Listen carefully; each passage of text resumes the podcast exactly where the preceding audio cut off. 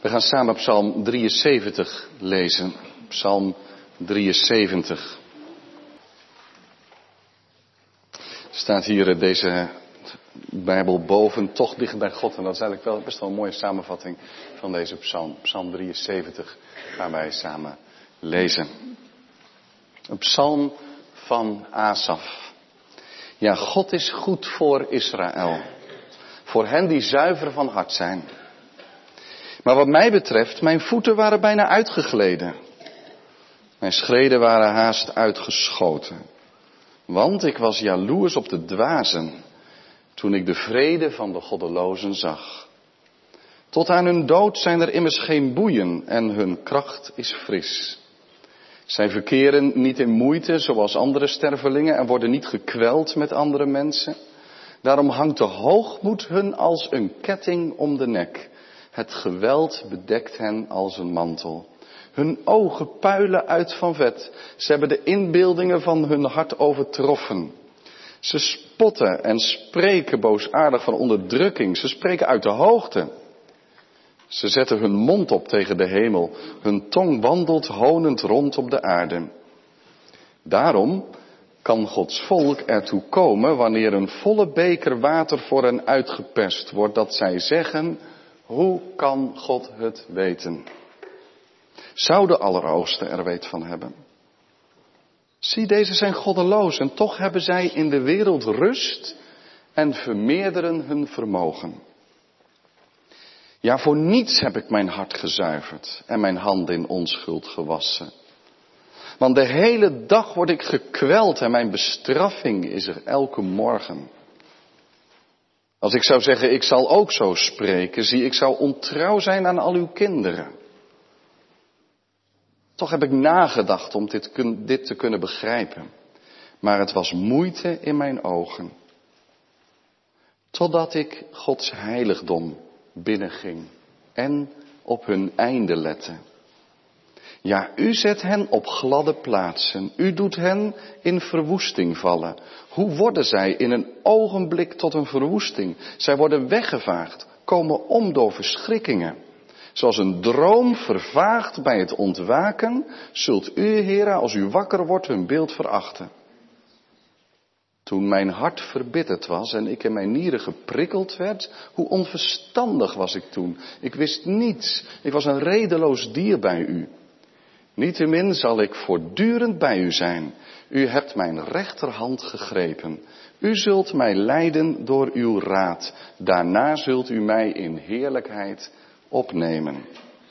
Wie heb ik behalve u in de hemel? Naast u vind ik nergens vreugde in op de aarde. Bezwijkt mijn lichaam en mijn hart, dan is God de rots van mijn hart en voor eeuwig mijn deel. Want zie wie zich ver van u houden zullen omkomen. U verdelgt alle die als in hoererij u verlaten. Maar wat mij betreft, het is voor mij goed, dicht bij God te zijn. Ik neem mijn toevlucht tot de Heere Heere om al uw werken te vertellen. Tot zover lezen we Gods woord voor deze dienst. Tekst voor de preek is Psalm 73 en was vers 24 in het bijzonder tegen de achtergrond van de hele psalm. Maar vers 24 waar staat, U zult mij leiden door uw raad. En daarna zult u mij in heerlijkheid opnemen. Psalm 73, vers 24. Gemeente van onze Heer Jezus Christus. Je kunt onder de indruk zijn van wat mensen kunnen. Soms zie je mensen bezig met een sport of met uh, iets in andere kunst of vormen van creativiteit of techniek of wetenschap of noem maar op. En je kunt enorm onder de indruk zijn, wat is de mens eigenlijk, dat hij dat allemaal kan. Geweldig, prachtig. Aan de andere kant kun je ook momenten hebben dat je opeens denkt, wat is de mens eigenlijk klein, nietig. Dat heb je vooral als je ergens een toren beklimt of zo, of je ziet onder je kleine mensjes door de straten gaan. En dan denk je, dan ben ik nog maar zo'n klein stukje hoger. Maar als we veel verder weggaan en je kijkt hoe klein de aarde en het hele heelal is en de mens erop, dan denk je, wat is de mens nou helemaal? Psalm 8 brengt het eigenlijk wel heel mooi bij elkaar. Hè? De hoge positie van de mens door God hem gegeven. En tegelijk ook dat kleine, dat kleine van een mensenleven. Kleine mensjes in het oneindig groot heelal. Perspectief maakt nogal uit, hè? Heb je ook als je nadenkt over hoe lang een mens leeft. Nou, ik dacht uh, toen ik uh, zo oud was als de kinderen hier, dat een mensenleven, dat is bijna oneindig lang. Als je wel eens oude mensen ziet, en ik, die leven al verschrikkelijk lang. Dat is natuurlijk ook wel een beetje zo. Als een dag al heel lang kan zijn, of een uur kan soms al heel lang zijn. Ligt er wel een beetje aan waar je bent natuurlijk, dat helpt ook. Maar het kan lang zijn. En toch, je kunt het moet je doen hoor. Dan moet je gewoon in een van de ouderen, een beetje voorzichtig, niet iedereen die grijs is, is oud hè. Maar moet je gewoon dus aan een oude gemeentelid vragen, hoe kijkt u er nou tegenaan? En zeggen ze, nou het echt, eh, het is voorbij gevlogen. Het was maar zo heel kort. Ja. Het heeft heel erg te maken met je perspectief uiteindelijk. Hè? Is de mens nou groot of klein?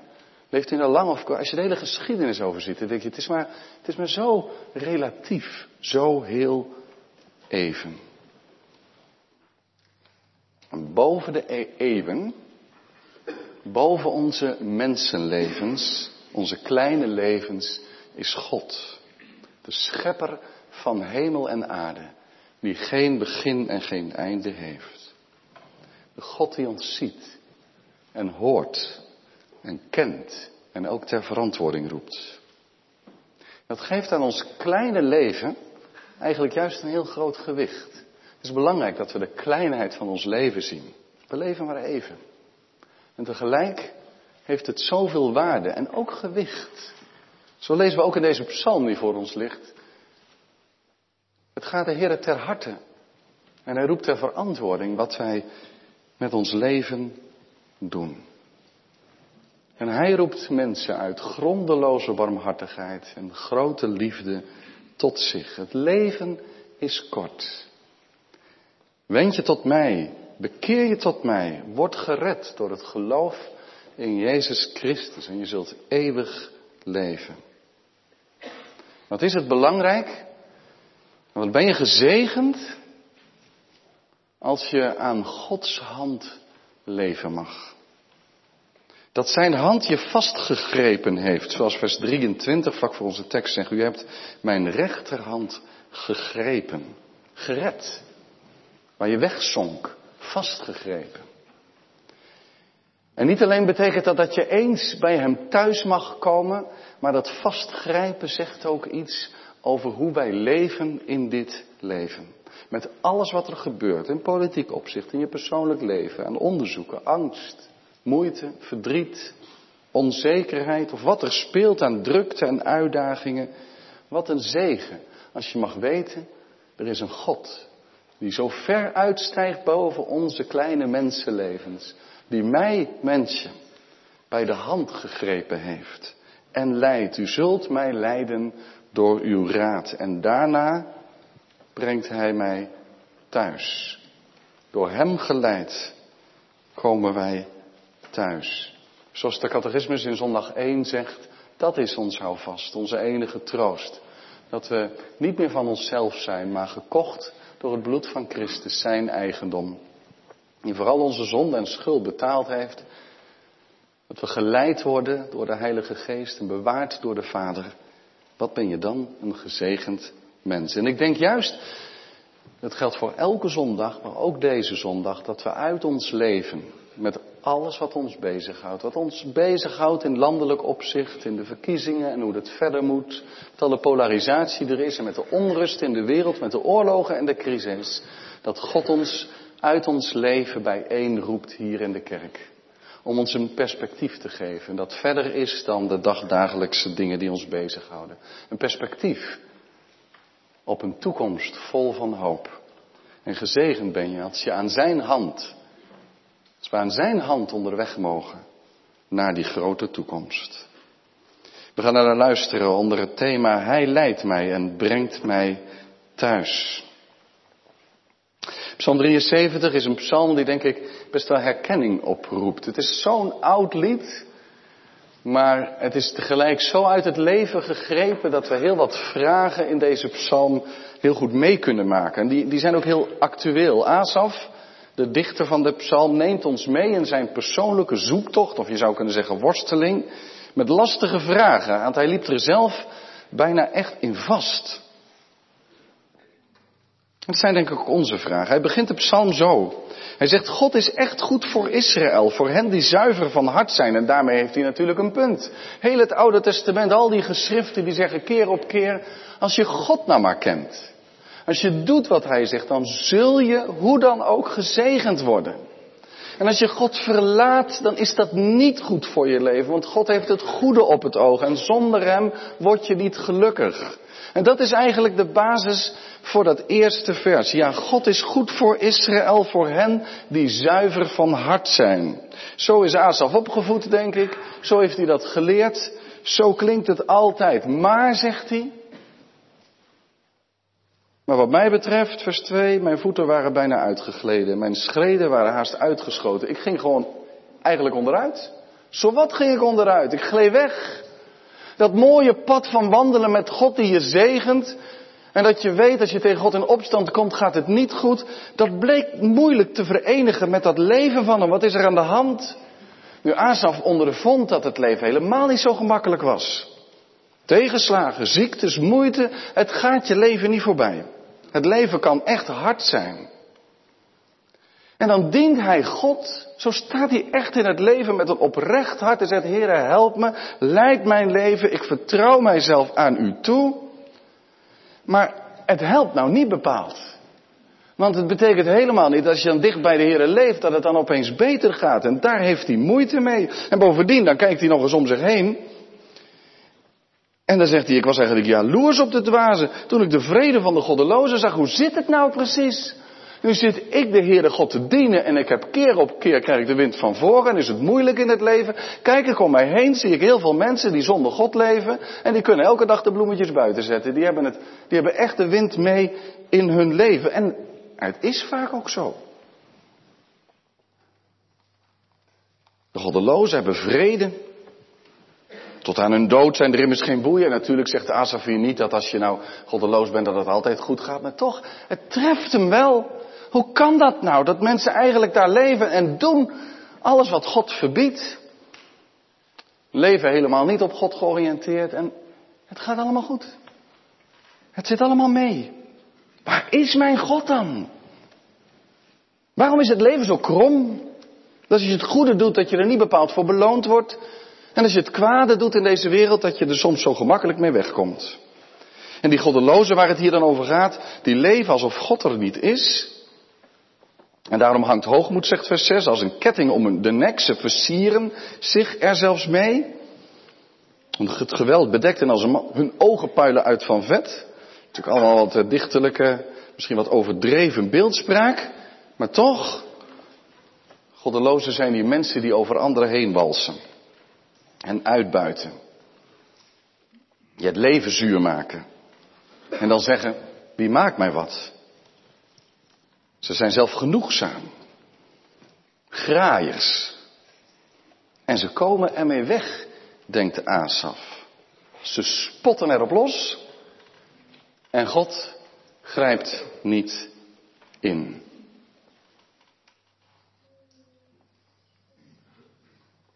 Dan kun je ertoe komen, zegt hij in vers 10 en 11. Dan kun je ertoe komen dat je op een gegeven moment denkt: ja, ziet God het dan wel?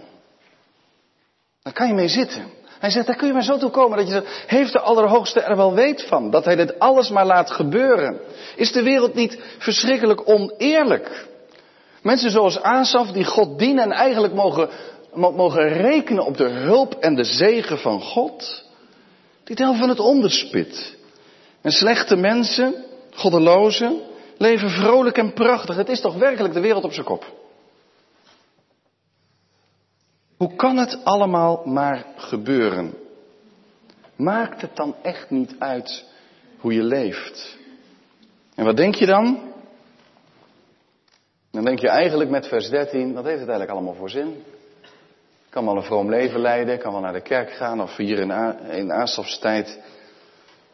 Ik heb mijn hart gezuiverd en mijn handen in onschuld gewassen. Ik heb altijd mijn best gedaan voor eerlijk te gaan, al duurt het het langst. Ik heb altijd mijn best gedaan om echt naar de Heere God te luisteren en niet voor mijn eigen voordeeltjes te gaan. Maar voor niets. Heeft het allemaal wel zin? Is het niet uiteindelijk veel makkelijker om gewoon voor jezelf te kiezen en jezelf op nummer 1 te zetten? Zal ik het geloof niet maar opgeven? Je bidt dat het een lieve lust is, maar wat haalt het uiteindelijk uit? De ziekte blijft soms, het ontslag was onvermijdelijk. Je bent toch in een burn-out terechtgekomen. Of er is wanhoop en depressie in je leven en je komt er eigenlijk niet meer uit, zo lijkt het. Het lijden gaat je niet voorbij. Teleurstellingen van het leven en je denkt op een gegeven moment, ziet God dat nou ook? En als ik nou bid, kan hij er niet wat aan doen dan? En dan hebben we het nog over ons eigen leven en niet eens over het hele wereldgebeuren. Het lijkt zich zo allemaal af te spelen zonder dat God zich er tegenaan bemoeit. De kranten en journaals gaan door met alle oorlogen die er zijn, alsof God het maar laat gebeuren. Is God er wel? Waarom is het dan zo oneerlijk in deze wereld? Waarom kan de een de ander uitbuiten, kleineren, het leven afpakken? Doet God wel recht? Het zijn voor Asaf levensgrote vragen. Hij heeft er ook wel een, een antwoord op, daar komen we zo wel bij, maar dat heeft hij ook moeten ontdekken. Want hoe vaak zegt de Bijbel niet dat het goed met je gaat als je God zoekt? En dat het slecht met je afloopt als je Hem verlaat. Maar wat zie ik daarvan in mijn leven, om mij heen? Dat maakt dat Psalm 73 ook wel een heel herkenbare psalm is. Waar zie je nou die, die verhoring op het gebed? Waar zie je nou dat het goed is om God te kennen? Veel mensen hebben deze vragen, denk ik. Ze lopen ermee rond en komen er niet altijd verder mee, zoals bij Asaf wel het geval is. misschien stop je dan aan God te denken en denk je, nou het heeft ook geen zin, je krijgt geen antwoorden. Uiteindelijk moet je zelf het antwoord maar zijn en er maar het beste van maken in dit leven. Maar Asaf wijst ons vanmorgen een andere weg. Hij zegt, die vragen, daar zat ik echt mee. Heeft het wel zin om te geloven? Heeft het wel zin om te bidden? Maakt het wel verschil? Is er werkelijk een God die weet wat hij doet? Is er een God die verder gaat met deze geschiedenis en ook met mijn leven? En, en dan komt hij toch tot een keerpunt en dat is belangrijk in deze psalm. In vers 17 zegt hij, totdat ik in Gods heiligdom binnenging. Het is een keerpunt in deze psalm. Hij gaat naar het huis van God. Nou, je moet je dat maar zo voorstellen, met zo'n zo een van die feesten. Kijk, Asaf zal er wel, wel vaak geweest zijn, maar hij vertolkt hier ook wat er gebeurt. Als je dan van heen en stromen de mensen naar Jeruzalem. Dat is toch de woonplaats van God, waar de tempel is en de altaren staan, waar de dieren geofferd wordt en waar dat tempelkoor daar de mooiste liederen zingt. En, en dat, is, dat moet een geweldige belevenis zijn geweest. Als je, natuurlijk, je kunt overal bidden. Maar dan ga je naar Jeruzalem en dan kom je daar in die tempel en alles ademt de glorie van God. Je komt daar in zijn heiligdom binnen. En daar zegt Asaf, daar is iets gebeurd. Daar, daar gebeuren dingen. En ik denk dat dat nog steeds zo is, tot op de dag van vandaag. Al zitten we hier niet in een tempel, maar in een heel praktisch kerkgebouw. Maar het is wel de plaats waar de gemeente samenkomt, het woord van God klinkt en er gebeuren dingen. Nou Asaf, vertel eens. Vertel eens, wat is er gebeurd daar toen je daar kwam? Ja, en dat is nog wel lastig te zeggen ook, want we krijgen daar niet helemaal de vinger op. Wat is er nou precies gebeurd? Wat heeft hij gezien? Wat heeft hij ervaren? En toch denk ik dat we het wel een beetje kunnen raden. Dat hij daar komt in die tempel en ja, moet je eens voorstellen, dan, dan, dan zie je daar dingen. Je ziet daar de koren die zingen tot Gods eer. En je gaat erin mee, je wordt erin meegenomen. Je ziet daar de altaren die vertellen wie God is. Dat God een God is die verzoening geeft en zijn liefde openbaart. En daar heb je zijn priester die het woord van God aan het uitleggen is. En toen ik daar kwam, toen kwamen mijn vragen. Kijk, die worden niet allemaal opgelost, maar die komen wel in een bepaald perspectief te staan. Opeens ben je daar. Niet meer alleen met je vragen, maar samen met anderen die ook zoeken naar de levende God en leven bij zijn woord. Daar kwam ik, zegt Asaf, vlak bij God. En als je daar bent waar God is, waar Hij zo duidelijk is en waar Hij spreekt en waar de gemeente samenkomt om te zingen voor Zijn aangezicht, daar gebeuren dingen, daar kun je dingen ontdekken, dingen die je misschien wel weet, maar die dan toch binnenkomen. Dat kan gebeuren ook in de kerk vandaag, dat het oude verhaal, al die woorden die je misschien wel helemaal weet, dat die, dat die opeens binnenkomen omdat er een heilige geest is die werkt en je hart opent. En dat je dat woord ontvangt. En dat je het evangelie gelooft en dat met alle vragen die nog steeds groot blijven midden in je leven, dat ze in een nieuw perspectief komen te staan. Want je komt voor Gods aangezicht. En je denkt, nou ben ik een klein mensje. Bij alle politieke problematiek die we in het gezicht kijken, denk je dan, ja, dat, dat, dat wordt niet minder belangrijk, maar het komt wel in een perspectief te staan. Dat mag gebeuren als wij in Gods heiligdom binnenkomen. En dat de problemen die wij ervaren, de dingen op het werk die moeilijk zijn, de dingen in het gezin die moeilijk zijn en de zorg in de familie, die zijn niet ineens weg als je de kerk uitloopt. Maar dat ze in een nieuw perspectief zijn komen te staan, omdat je meegenomen wordt door de lofzangen. Waar God troont en waar Hij woont. Dat gebeurt. Dat gebeurt in Asaf tijd, dat gebeurt in onze tijd ook. Dat je een nieuw perspectief krijgt. Dat je soms ook denkt als je de kerk inschuift, de rust van het kerkgebouw en meegenomen wordt in de dienst, in de liturgie, in het zingen, in het bidden, in het lezen van het woord wat de eeuwen al uh, verduurt. Dat opeens je kleine leven met al zijn zorgen in dat perspectief van Gods koninkrijk komt te staan. En je toch weer mag leren, er is een toekomst vol van hoop. En als Asaf daar, daar in dat heiligdom is, dan zegt hij, dan kom ik in dat heiligdom en toen lette ik op hun einde. Hoezo kun je dat doen dan? Kun je op een einde letten? Nou, ik denk dat dat betekent dat hij daar opeens denkt, ja maar zoals het nu in het leven gaat, dat, dat gaat echt niet zo blijven. Dat kan niet. Waarom niet? Asaf, waarom niet? Wat zie je ervan dan? Zie je dat nu allemaal al veranderen? Nee, zegt hij, dat is het punt niet. Maar hier ontmoeten we de levende God en hij is zo heilig en hij is zoveel glorie en hij is zoveel liefde en zoveel rechtvaardigheid. Deze God bouwt aan een toekomst waar de goddelozen het niet voor het zeggen hebben. Deze God bouwt aan een toekomst van recht en gerechtigheid, van genade en liefde. Dat geloof ik vast en daarom, al weet ik niet hoe het precies zal gaan en soms weet ik ook niet hoe ik het hoofd boven water moet houden in dit leven. Maar daar leer ik dat er een God is die recht doet. En daarom zegt hij ook, en toen let ik op een einde. Want dan zie ik goddelozen voor me die de hoogmoed als een ketting om hun nek hebben en die denken ik kan alles maken.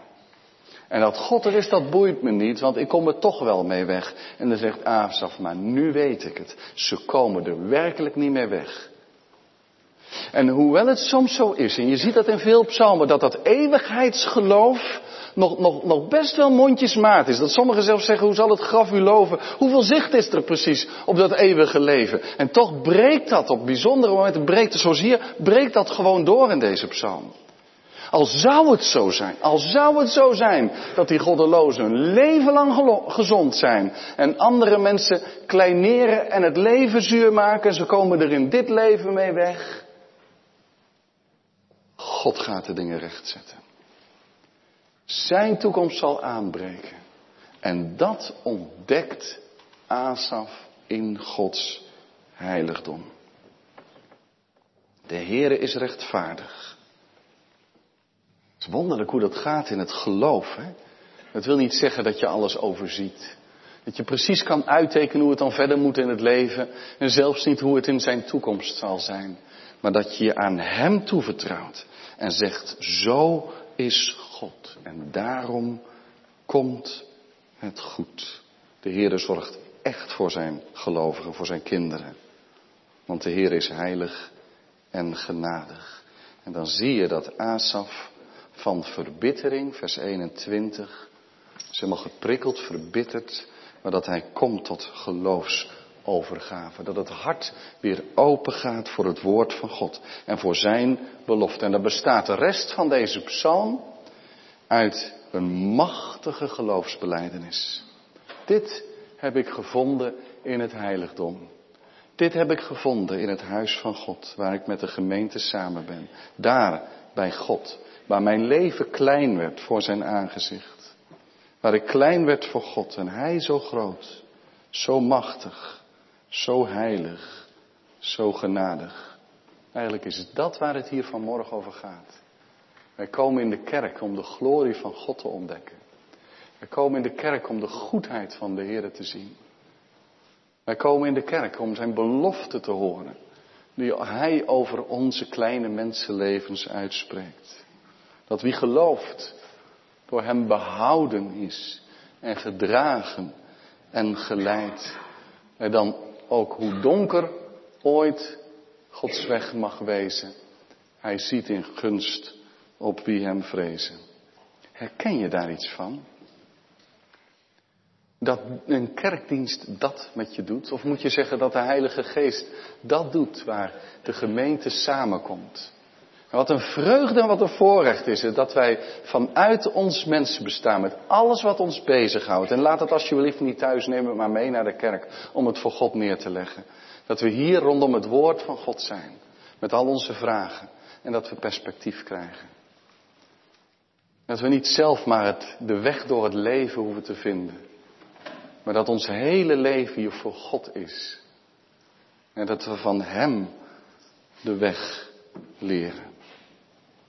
Dat we zicht krijgen op een rechtvaardige God die in zijn Zoon Jezus Christus gekomen is. En dan, nou goed, dat is stof voor de adventstijd dan, maar dat is ook al bijna.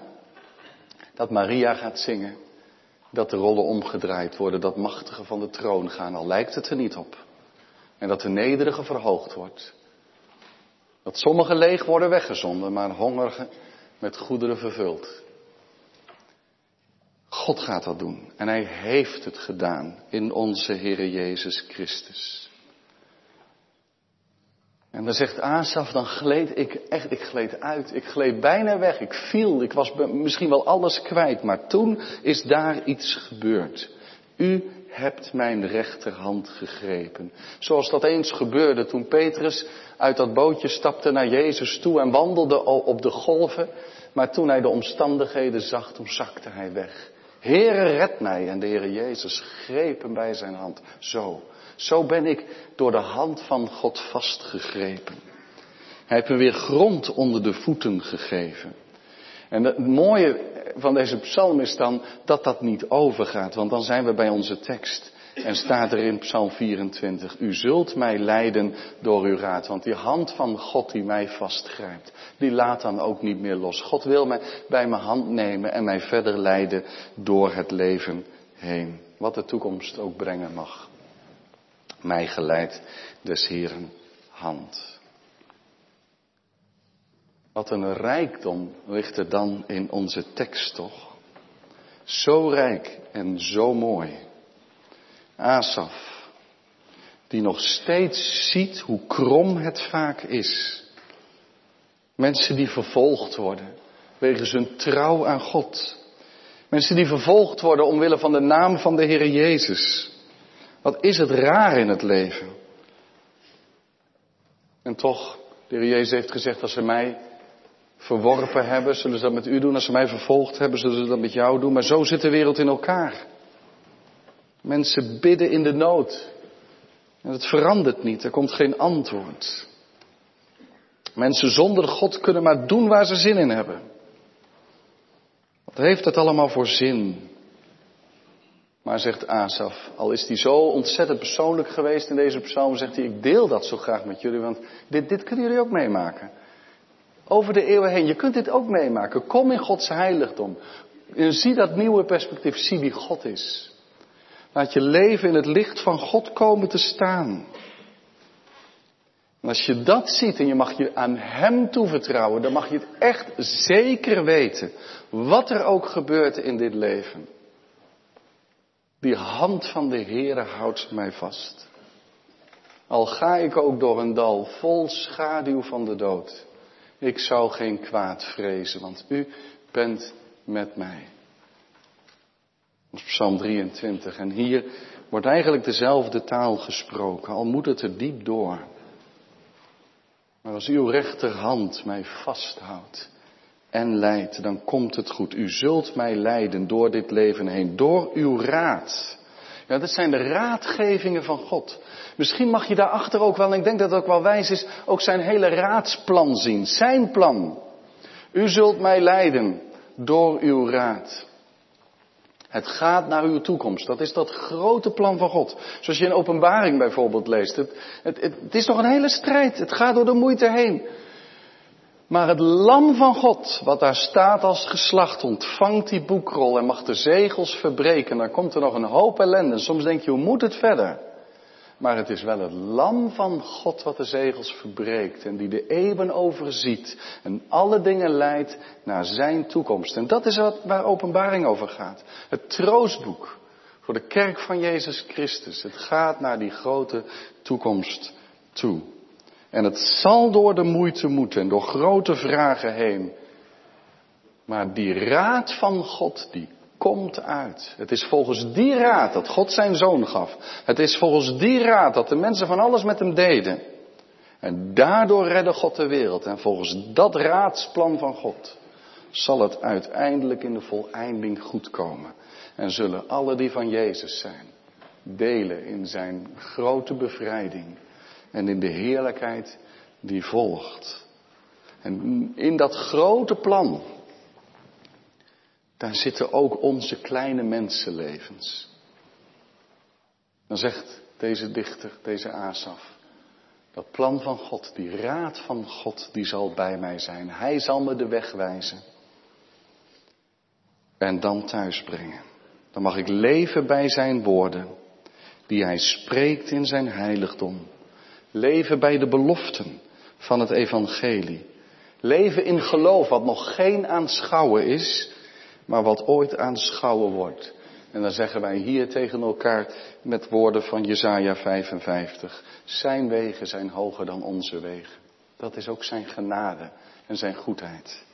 Wij kunnen God niet begrijpen, maar wij weten dat er een plan achter ligt. En dat God doorgaat met zijn werk naar zijn grote toekomst. Ik zei al, Asaf is persoonlijk. Maar hij houdt het niet voor zichzelf. Hij zegt, dit is wat God ook vandaag te geven heeft. Dat geeft zo'n troost. Ook op moeilijke momenten, als er rouw in je leven komt, verdriet of onzekerheid, je geconfronteerd wordt met nare uitslagen van onderzoeken, als je leven over de kop gaat, als je bang bent voor de dood, wat er niet allemaal kan zijn. Hoe moet het verder? Dat weet ik ook niet. Maar u zult mij leiden door uw raad. En aan uw hand kan ik door die operatie heen, door de onderzoeken heen, door de opvoedingsmoeilijkheden heen, door de moedeloosheid heen. Ik ben van Hem. En dan zie je in de psalm op zo'n zo'n rijke manier dat, dat die hoop op de eeuwigheid doorbreken. Zo'n dichter als van Psalm 63 zegt, want uw goede tierenheid is beter dan het leven. Dat is mijn houvast. Al, al, al bezwijkt er zoveel, ik mag zicht hebben op die goede God. En daarna zult u mij opnemen. Je kunt het ook vertalen met wegnemen. Maar, maar dan, dan maar zoals Henoch weggenomen wordt. En voor altijd bij de Heer mocht zijn, of Elia. Wegnemen om bij Hem te zijn. Het heeft de christelijke kerk de eeuwen door alle troost gegeven die nodig was. Na dit leven is het nog niet voorbij. Dan breekt de eeuwige heerlijkheid aan voor gelovigen in Jezus Christus. Voor hen is betaald. Ze zijn gereinigd door het bloed van de Heer Jezus Christus. Ze zijn in dit leven bewaard. Hebben geleefd onder de trouwe zorg van de Vader, hoe moeilijk het ook soms was. De Heilige Geest heeft in hen gewoond en heeft ze op koers gehouden. En dan komt het moment dat je mag zeggen, het leven is ook maar even. En het sterven, dat is erven, eeuwig ingaan in die erfenis die wacht. Dat geeft zoveel troost en perspectief aan het leven. Je kunt je afvragen hoeveel zicht heeft Asaf daar nu op gehad? Hoeveel zicht heeft hij erop gehad? Als je hem zou zeggen, Asaf, vertel eens nou eens alles wat je weet over die eeuwige heerlijkheid, dan weet ik niet of hij dat allemaal zo helemaal op een rij heeft kunnen zetten. Maar is dat niet het eeuwigheidsgeloof wat wij ook nodig hebben? Dat we niet tot in detail hoeven te zeggen, hoe ziet dat er precies uit? De Bijbel geeft ons genoeg om te hopen en om naar uit te zien. Een aarde vol van gerechtigheid, de hemel op aarde, God in het midden die alles en in alles zal zijn. We zullen er thuis zijn als we hier van Jezus zijn. Zo, zegt Louis ergens, dat, dat zal blijken dat het hele boek wat we tot nu toe hebben gehad nog maar het, de inleiding was. En dan zullen we van hoofdstuk naar hoofdstuk gaan, van de ene verbazing in de andere. Leven, leven met God. Dat is de toekomst. Hoe zal het zijn? God weet het. Maar hoe weinig Asaf daar misschien precies over zou kunnen vertellen, duidelijk is wel dat dat geloof in die God van Israël hem zicht heeft gegeven op de toekomst. U zult mij in heerlijkheid opnemen. Want God doet recht, de goddeloze staat er dan ook. Zie maar in vers 27, want zie wie zich ver van u houden zullen omkomen. Ze kunnen zich nog zo breed maken op deze wereld, alle leugenaars. Alle die onrecht bedrijven, ze zullen omkomen. U verdelgt alle die als in hoererij u verlaten. Maar wat mij betreft is het zo klaar als maar kan. Het is mij goed dicht bij God te zijn. Ik heb mijn toevlucht tot de Heere genomen. En daarom zelfs, kijk, als je die hoop mag hebben, hier mag ik leven onder zijn leiding. En dan weet ik, dan zal het goed komen, mag ik ingaan in heerlijkheid. Dat geeft richting aan dit leven. Bezwijkt mijn lichaam en mijn hart. Al, al is er ziekte en mijn lichaam bezwijkt. Maar mijn innerlijk ook, mijn hart, mijn ziel, al zou ik geen moed meer hebben. Dan nog is God de rots van mijn hart.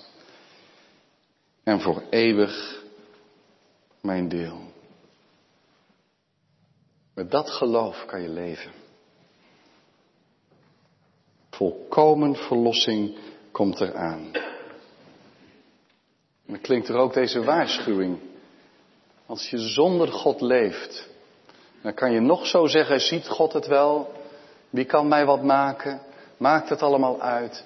Maar Asaf zegt, als je zicht krijgt op de glorie van God, dan komt het er ook op aan dat je in dit leven deze God kent.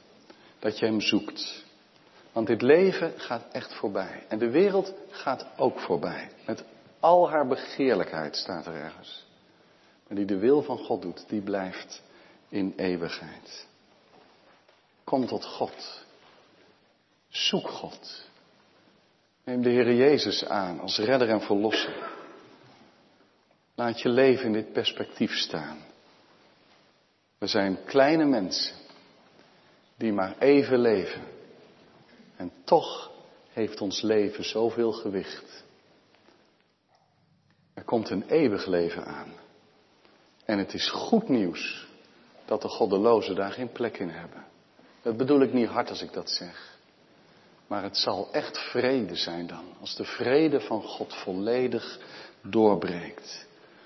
Daar komen mensen thuis, die hier hun leven daarop gericht hebben, op die vrede van God. In ons korte leven moeten we God zoeken en Hem leren kennen. Dat is het belangrijkste van allemaal.